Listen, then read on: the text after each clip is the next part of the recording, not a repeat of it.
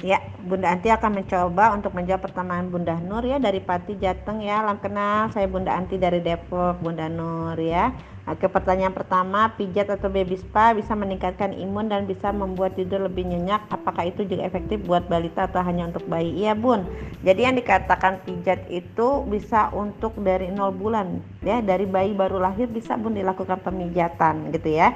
Nah, dengan kehamilan ibu cukup bulan gitu ya. Nah, itu bisa dilakukan. Tapi kalau untuk pijat imun sendiri nih yang Bunda kasih videonya itu yang di bagian punggung itu pijat pencubitan itu di atas umur 3 bulan, Bun gitu ya. Di atas umur 3 bulan bisa dilakukan pemijatan untuk daya tahan tubuh ya.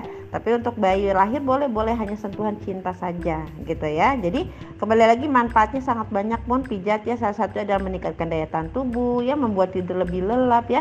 Untuk apa? Ikatan bonding attachment ikatan kasih sayang antara ibu dengan bayinya bun. Jadi penting banget ya pemijatan ini dari segera setelah lahir.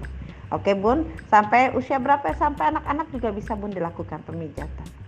Oke Bunda uh, Nur ya.